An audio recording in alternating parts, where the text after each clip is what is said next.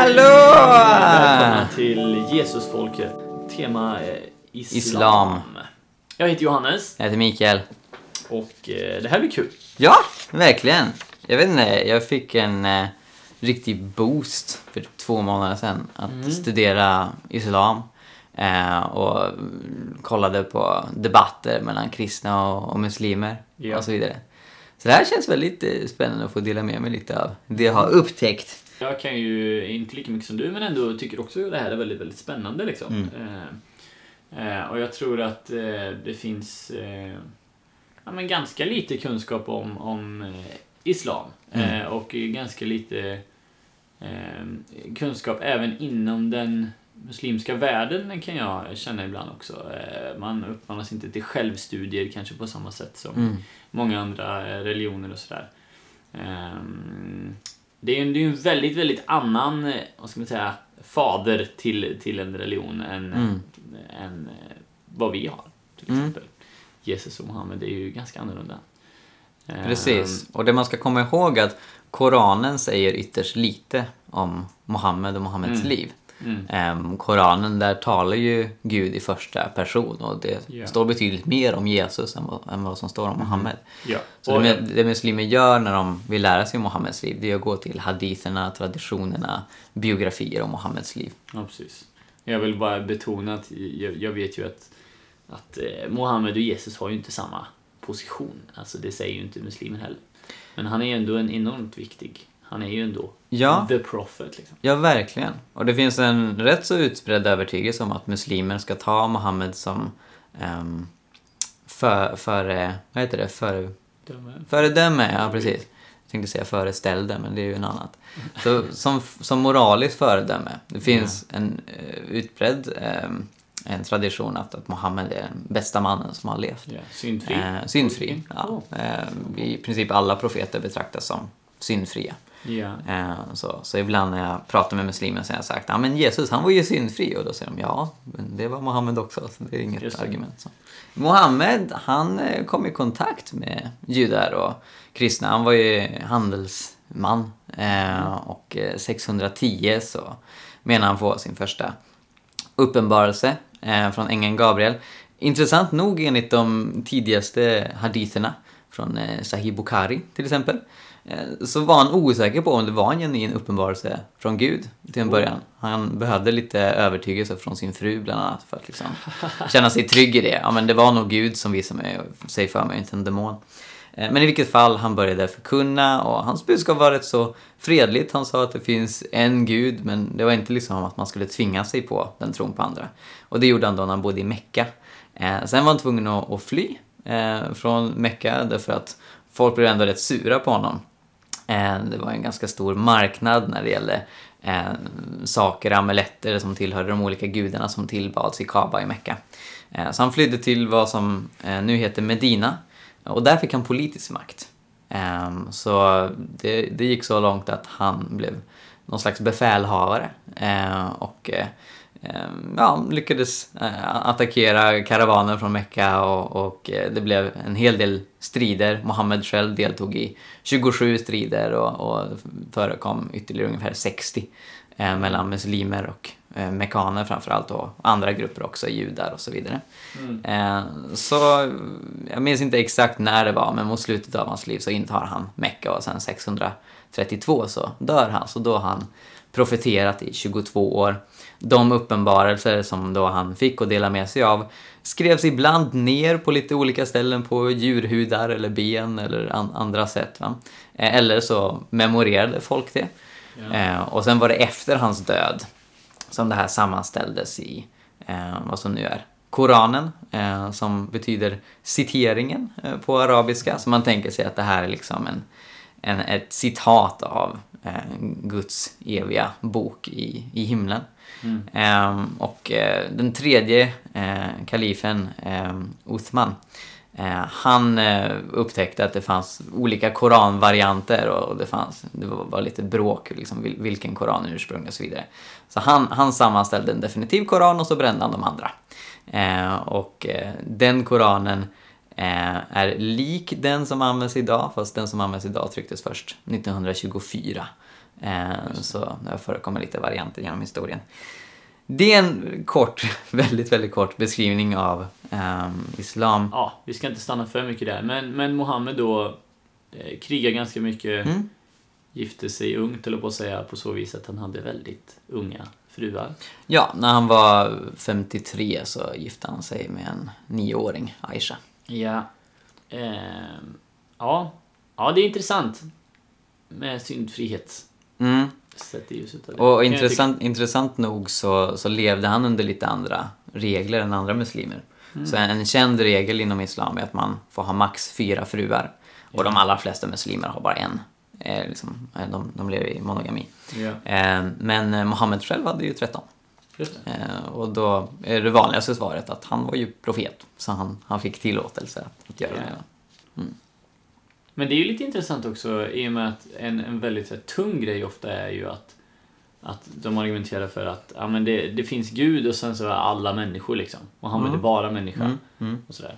Men tydligen så fick han lite, lite gratis ändå Mm. för att han var profet. Jo, precis. precis. Och muslimer har ju väldigt stor respekt för Mm. Mohammed. Eh, många muslimer säger ju frid vare med honom varje gång de nämner hans namn precis. eh, och så vidare. Har en väldigt stor kärlek till Mohammed och, och eh, blir ju som vi vet eh, ofta väldigt upprörda när man hånar Mohammed och, Mm. och säger elaka saker om honom och så Ja. vidare. Men Jesus då? Profeten Ja. Jesus? Profeten Jesus, Koranen erkänner att Jesus är Messias, eh, judarnas eh, väntande konung. Eh, Koranen erkänner att han föddes av en jungfru. Han hade inte en människa till far, utan Mm. eh, Maria blev havande övernaturligt. Eh, Koranen erkänner att han gjorde många stora mirakler, att han eh, uppväckte döda, att han botade sjuka. Vilket ju var något som Mohammed inte gjorde. Mm. Eh, Så de flesta muslimer kan erkänna att, att Jesus gjorde fler konkreta mirakler, även om man ofta säger att Mohammed, eh, Mohammed gjorde det största miraklet i och med att han gav Koranen, och Koranen i sig själv är ett mirakel. Eh, Koranen förnekar förstås att Jesus är Gud, att Jesus är Guds son. Eh, Koranen säger att Jesus är Guds ord, intressant nog, eh, precis som Johannes evangeliet. Men då är den vanligaste tolkningen där att det, man inte menar samma sak som Johannes menade. Det vill säga att Jesus är, är det oskapade ordet genom vilket Gud skapar världen, utan att Guds ord är ett annat uttryck för att han var en profet just då. Och en, en av de besynnerligaste sakerna med um, islams syn på Jesus, det är att Sura 4, vers 157 säger att Jesus inte dog på korset. Ja. Ehm, och eh, vi, vi kan komma tillbaka till det, men det skapar en eh, hejdundrande massa problem för muslimer eh, när de ska beskriva liksom, sin historiska syn på Jesus. Mm. Ehm, Koranen säger att Jesus ehm, togs upp till himlen levande, det är den vanligaste eh, tolkningen. Att han, Ja. han dog inte men Det såg ut som han dog. Allah, Allah tog upp honom. Ja, och det finns två konkurrerande teorier. De flesta muslimer skulle säga att det var någon annan som korsfästes. Alltså, typ Judas. Typ Judas, ja, så misstog man honom för Jesus. Medan vissa eh, muslimska apologeter som Shabir Ali inser att det historiskt sett är rätt absurt att hävda något sånt när liksom hans egna lärjungar står vid korset och tittar på honom. Ja. Så Shabir Ali säger faktiskt att Jesus korsfästes, men han dog inte på korset, utan han överlevde korsfästelsen. Men det är också viktigt att då komma ihåg att, att allt det här som, som islam då påstår om, om Jesus, eh, då snackar vi 600 år efter, ungefär, efter Mm. Jesu död. Så i Koranen 19, eh, vers 34, så citeras Jesus som barn. Där han säger Frid över mig den dag jag föddes, den dag jag dör och den dag som jag blir uppväckt till liv. Så det verkar ju eh, liksom säga emot den här doktrinen att Jesus inte dog på korset. Men då är den vanligaste tolkningen att Jesus kommer komma tillbaka, eh, vilket eh, Koranen och Islam erkänner. Eh, och då kommer han dö. Mm. Och sen kommer han uppstå tillsammans med alla andra rätt trogna muslimer på den yttersta dagen. Eh, Men det verkar ju nästan som att en, en slags kristen trosbekännelse har letat sig in i Koranen och sen så försöker man liksom förklara bort det. Mm. Ja, alltså den, den här tanken. Jag, jag har träffat på eh, kristna eh, människor eh, predikanter som menar att, att ganska många börjar tro på Jesus som Guds son genom att helt enkelt läsa eh, muslimska skrifter. Mm. Eh, för att på många sätt så skulle man kunna påstå att Jesus framställs ju som en eh, ganska mycket mer hyvens kille Mm. än Mohammed. Alltså det är en man som man vill ha som förebild för sitt liv. Någon som man vill efterlikna. Mm. Snarare än snubben, eh, ni får förlåta mig om jag låter raljant, men jag har så svårt att få ihop Mohammed som en, som en förebild. För mig är Mm. han en, en krigsherre som gifter sig med barn. Mm. Eh, tyvärr. Även om han speciellt i början av sitt liv vet jag ändå hade ett, ett budskap som ändå i mångt och mycket handlar om kärlek och fred och sådär. Men, Ja. men det, det känns ju som att det här med att att practice what you preach Mm. var kanske inte Mohammeds starkaste grej. Och sen kanske det nästan finns ett ännu större problem när det faktiskt blev så att han practice what he preached när han började predika lite hårdare grejer i slutet av sitt liv. Om Mm. Ja. att korsfästa folk som går emot islams lära och så vidare. Precis. Eh, Koranens suror, alltså kapitel, står ju inte i kronologisk ordning. Så en av de sista nedskrivna eh, surorna, eller sista uppenbarade surorna, är suran 9. Eh, som definitivt är den våldsammaste och som innehåller rätt så hemska formuleringar om hur man ska behandla kristna och judar. Och så vidare. Och sen ska det ju tilläggas att de, de allra flesta muslimer inte ser det som något auktoritativt och, och liksom har, har, en, har en fredlig syn på islam. Men det som du säger, att, att många börjar tvivla på islam när de själva undersöker Mohammeds liv. Ehm, de, de flesta muslimer stöter bara på Koranen och då ganska ofta på arabiska så de inte riktigt vet allt vad den säger. Ehm, och eh, ganska få sätter sig in i haditherna för det, det är enorma mängder litteratur om man ska undersöka Mohammeds liv. Ehm, och då så upptäcker man ofta en annan bild än vad man kanske har fått höra av imamer och sina föräldrar och så vidare. Mm. Det finns några andra ytterligare skillnader mellan eh, islam och kristendomen som kan vara värda att nämna. Eh, som man kanske inte alltid tänker på. Eh, islam lär att Muhammed var den sista profeten och att profetia inte sker idag. Det kommer inte komma någon mer profet med undantag av Jesus då som kommer komma tillbaka för att döma världen. Eh, men det är en skillnad från karismatisk kristendom eh, som tror att det finns profeter idag, att Gud kan tala till oss. Eh, det finns en, en väldigt utbredd tro i islam att Gud talar inte personligen till människor med ett undantag. Och det är den heliga natten under Yeah. Ramadan när Mohammed fick uppenbarelse. Då tänker man sig att Gud kan tala till folk i, i drömmar. Ja. Eh, och intressant nog är det väldigt många muslimer som möter Jesus i drömmar. Mm. Både i arabvärlden och Verkligen. även här i Sverige. Googla på det. Ja, det, jag känner personligen flera före detta muslimer som nu är kristna som har Mm. mött Jesus i, i drömmar. Eh, det sker ganska få mirakler i, inom islam idag. Eh, det vanligaste är när islam blandas med annan form av religiositet och ockultism till viss mån. Så, eh, Christopher Alam som var före detta muslim i Pakistan, han är faktiskt ättling till Mohammed. Eh, han, han berättar i eh, sin bok, jag ska ha den där någonstans, Från, från Jihad till Jesus heter den. Ehm, hur, eh, för han, han var ju då eh, extremist och fundamentalist. Men han upplevde mirakler i sin ungdom när de gick till en, en trollkar som liksom blandade muslimsk spiritualitet Ja. med liksom ockult animistisk spiritualitet. Mm. Men i övrigt är det ganska ovanligt. Och sen är det ju här att Allah inte framställs som en fader eh, i, i Koranen. Eh, det finns till och med någon vers som förnekar. Han, han har ingen son, han är ingen far. Ja. Och det är just i polemik mot kristendomen. Men det finns också eh, den här återkommande beskrivningen i Koranen att eh, Gud älskar inte syndarna, Gud älskar Mm. inte de otrogna, Gud älskar inte lögnerna och så vidare. Ja. Eh, och det, det återkommer liksom nästan som ett, ett trumslag inom Koranen. Eh, vilket gör att en hel del muslimer är övertygade om att Gud inte älskar alla människor. Andra, kanske lite mer liberala muslimer, säger ja men det, det är inte riktigt det Allah menar. Men det har varit den traditionella tolkningen. Mm. Och då finns det ju vissa som försöker bolla tillbaka den bollen till kristendomen och säga nej men det finns ju bibelverser som också säger att eh, det står till exempel i Saltaren att, Mm. att eh, Gud hatar syndaren, står det. Mm. Och, och det som är intressant är att för det första så jämför man eh, Koranens eh, ord som då är tänkt att vara Guds, Guds Först, första ord. person. Ja. Ja, Gud i första person. med, med saltaren som eh, på många sätt är desperata dikter till Gud och väldigt, väldigt vad ska man säga, artistiska. De är mm. ganska fria.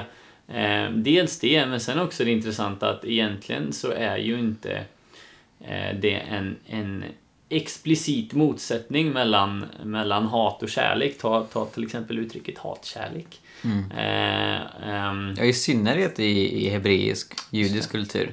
Vi ser ju hur Jesus säger den som inte hatar sin far och mor kan inte vara min lärjunge. Ja. För att därefter säger älska din nästa. Ja. Så, så liksom ord, ordet hat skulle jag säga är lite eh, på ett sätt felöversatt för det betydde ja, inte opposition till kärlek. Nej, Jesus eh, går ju väldigt hårt åt eh, ett gäng fariseer som, som säger att ja, men ni, ni ger tionde av kryddor men ni tar inte hand om era, era föräldrar liksom. Mm. Och, och, så vidare och så vidare.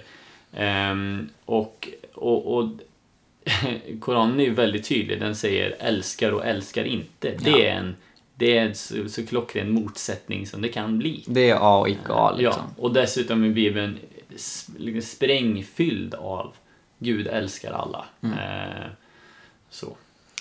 Precis. Eh, det finns intressanta frågor som vi kan ställa till muslimer också för att lite svara på ja, men, kritik som muslimer kan ha mot kristendomen. Mm. En sån fundamental fråga är ju treenigheten, inkarnationen, att Gud blir människa, ja. Jesus. Det är egentligen en, en, den tydligaste konfliktlinjen mellan islam och kristendom. Mm. Eh, för många muslimer eh, är övertygade om att det, det är liksom en, en dödssynd att tänka sig att, eh, att treenigheten är sant, att Gud mm. har en son, att Gud blir människa. Men det finns ju en, en eh, kristen apologet som heter Nabil Qureshi eh, som är före detta Ahmadian-muslim, en, en liten subgren av, av islam. Eh, han eh, menar att man borde kunna acceptera inom islam tanken att Gud kan bli människa, att det är en del av Guds allsmäktighet mm. att kunna inträda i världen som människa. Ja. Eh, och kan muslimer svälja det pillret och, och erkänna att ja, det, det borde gå att Gud kan bli människa. Då handlar det mer om frågan, har han blivit människa? Mm. Snarare än att det här är en omöjlighet, det här är emot Guds natur och så vidare.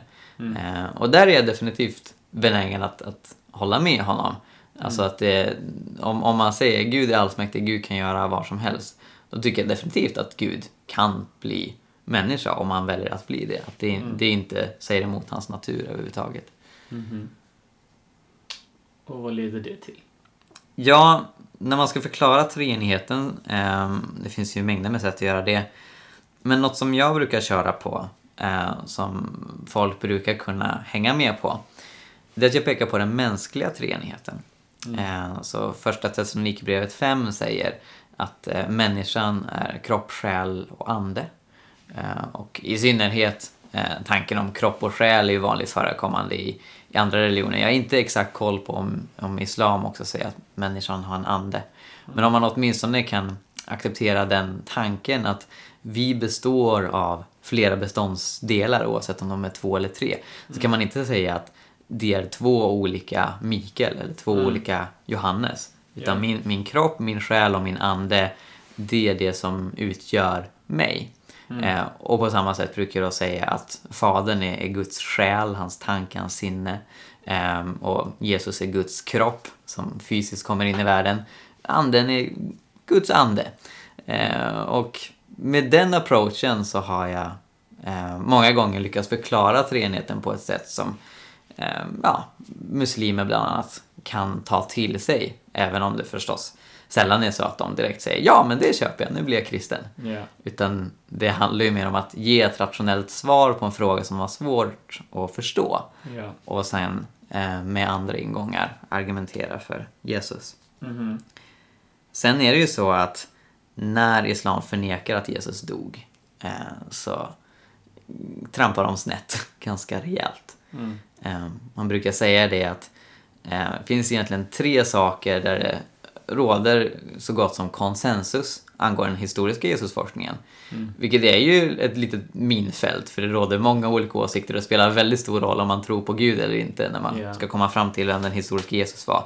Men det är även de mest skeptiska och ateistiska Jesusforskarna kan hålla med om. Det är att Jesus existerade, att han döptes i Jo- i Jordan av Johannes döparen och att han dog på ett kors under Pontius Pilatus regim. Det är liksom de tre historiska fakta som är otroligt svårt att förneka rent historiskt ehm, utifrån det källmaterial som vi har i Nya Testamentet och andra Ja. historiska dokument, eh, både judiska och romerska. Så rent historiskt sett att komma 600 år senare och säga nej, jag tror det var så här. Mm. Det blir lite sketchy. Ja, verkligen. I synnerhet om man då säger att det var någon annan som dog och de trodde Mm. att det var Jesus. Återigen, hans egen mor står där, hans Ja. lärjungar står vid korset. Det, det är väldigt, väldigt svårt att smälta. Mm. Tanken att han överlevde korset är kanske någon grad mer rationellt. Men samtidigt så finns det knappt några exempel på människor som har överlevt korsfästningar. Eh, då blir han ju, dessutom fick han ju ett spjut upp i magen liksom. Ja, ja verkligen. verkligen. Eh, det, det historiska fall när någon har överlevt en korsfästning eh, var när romarna eh, insåg att, att mannen var oskyldig. Eh, det var faktiskt tre stycken tror jag. Eh, så de, de tog ner allihopa och liksom gav, dem, Sorry. gav dem massa vård och så vidare. Eh, och två av dem dog då och en lyckades överleva men då hade han hängt där inte mer än en timme eller något sånt där. Mm. Så att hänga sex timmar på ett kors, ha blivit torterad, piskad och sen få ett spjut uppkörd i sig. Ja. Det, det, det är ett väldigt starkt case för att Jesus faktiskt dog på det där Ja. korset. Och sen har vi den här intressanta grejen då om, om eh, hur, får vi ihop att Gud är fullkomligt kärleksfull och fullkomligt rättvis? För det är ändå två saker som, som eh, båda religioner eh, påstår, om jag Ja. förstått det rätt. Oh ja. Eh, och det är en väldigt viktig grej. Alltså hur, hur får man ihop det här med, med nåd och fullständig rättvisa? Eh, och vi menar ju då som kristna att Gud har på något sätt löst det där då genom Jesus. För han säger nej men det finns konsekvenser för varje fel sak vi gör. Allt som går emot eh, den, den moral som Gud har satt upp. Men i och med att människor inte kan nå upp till den eh, standarden så eh, tar Jesus genom att liksom offra sig själv så tar han de felen på sig. Eh, och, och därmed så kan Gud samtidigt visa fullständig nåd men samtidigt upprätthålla fullständig eh, eh, rättvisa. Eh, och det här får ju islam väldigt svårt att eh, få ihop. Ja, Eh, och det blir en ganska nyckfull gud på många sätt. ja. ja men det, det finns inte riktigt, tycker jag, en, en enhetlig muslimsk frälsningslära. Mm. Just för att Koranen både talar om att Gud är, är nåderik, barmhärtig, förlåter synder och samtidigt trycker väldigt starkt på att vi blir frälsta genom att våra goda gärningar väger upp våra Ja. onda gärningar. Det finns ju muslimsk tradition en, en tanke om att det sitter en ängel på vardera axeln eh, som antecknar den ena, liksom skriver upp de goda gärningarna och de andra onda gärningarna. Och så finns det muslimska traditioner om att Mohammed sa att ja, men de goda gärningarna väger tyngre, så oroa er inte för mycket för det där, va? oroa er inte för mycket liksom, om, om ni syndar. Men, men det är ju svårt att, att få ihop det med att Gud när som helst bara kan förlåta synder. Vilket är det många muslimer säger. Varför måste Jesus dö på korset för våra synder? Gud kan bara förlåta ändå. Men det går samtidigt inte riktigt ihop med deras egna frälsningslära om att det är våra gärningar som ska våra goda gärningar ska kompensera våra synder. Och tänk bara alla goa real life grejer som, som man måste ta bort då. Tänk alla, alla eh, misslyckade människor som kanske sent i livet efter att ha varit terrorister eller, eller säg Paulus. Eh, tänk om han då hela livet skulle behöva gå runt och tänka shit, jag måste kompensera. Eh, och, och fatta vilken hopplöshet det, det måste skapa hos många. Eh, nej, men det finns ingen chans att jag kan väga upp det här. Eh, och tänk om jag försöker hela mitt liv och så vet jag ändå inte. Det vi som kristna kan från, från dag ett när man säger Ja Jesus, jag, jag liksom erkänner min otillräcklighet, jag behöver din kärlek, din nåd. Mm. Så vet vi och vi kan vila i och gå i ehm, och leva på den grunden att ja men vi är förlåtna och nu, nu gör vi det här livet ihop. Eh, det är ju en enorm praktisk skillnad i hur man sen kan leva sitt liv. Ja. När väldigt många muslimer saknar frälsningsvisshet. De, de kan Mm. inte veta garanterat att de kommer in i himlen. Och sen finns det ju en problematisk vers i Koranen. Som egentligen den enda versen som uttrycker liksom en garant för att komma till paradiset. Mm. Är jihad, att dö i jihad. Nu är det många av dagens muslimer som säger att ja, men jihad kan vara liksom den, den icke-våldsliga kampen för eh, islams sanning och så vidare. Och samtidigt så, så har vi liksom extremister som, som Mm. tolkar det annorlunda. Ehm, och vår poäng är förstås inte liksom att eh, dra upp någon slags islamofobisk rädsla och säga ut med muslimerna och så vidare. Nej. Utan vi vill liksom ja, men, ha en, en, en, en dialog och ett, ett Mm. samtal eh, där vi lyfter en, en hel del av, av de problem eh, Mm. som, som finns med den här livsåskådningen. Och, frå och fråga frågan, är det inte så att du egentligen hellre skulle efterlikna Jesus än att efterlikna Mohammed? Eh, för jag håller med dig om att, alltså, det är som de brukar säga att om alla, om alla muslimer skulle vara eh, ja, men islamister eller, eller terrorister så skulle vi antagligen märka av det lite mer. För de Ja, är ja, ändå precis. över en miljard människor. Ja, nej men Eh, det är så- så de- väldigt, väldigt få som... Ja, så majoriteten är ju, är ju fredsälskande människor. Men frågan är om det inte är så i deras liv att det är Jesus de faktiskt söker efter. Mm. För om man, om man helhjärtat skulle försöka följa Mohammed till exempel, då Mm. det känns ju inte helt trevligt faktiskt. Ja. Så Mm. ja, jag skulle vilja uppskatta om vi har några muslimska lyssnare. ehm, att läs Injil, läs eh, evangelierna. Eh, Studera er profet. Mm. Eh, enligt de som faktiskt följde honom, var med honom, hans, Mm. hans lärjungar.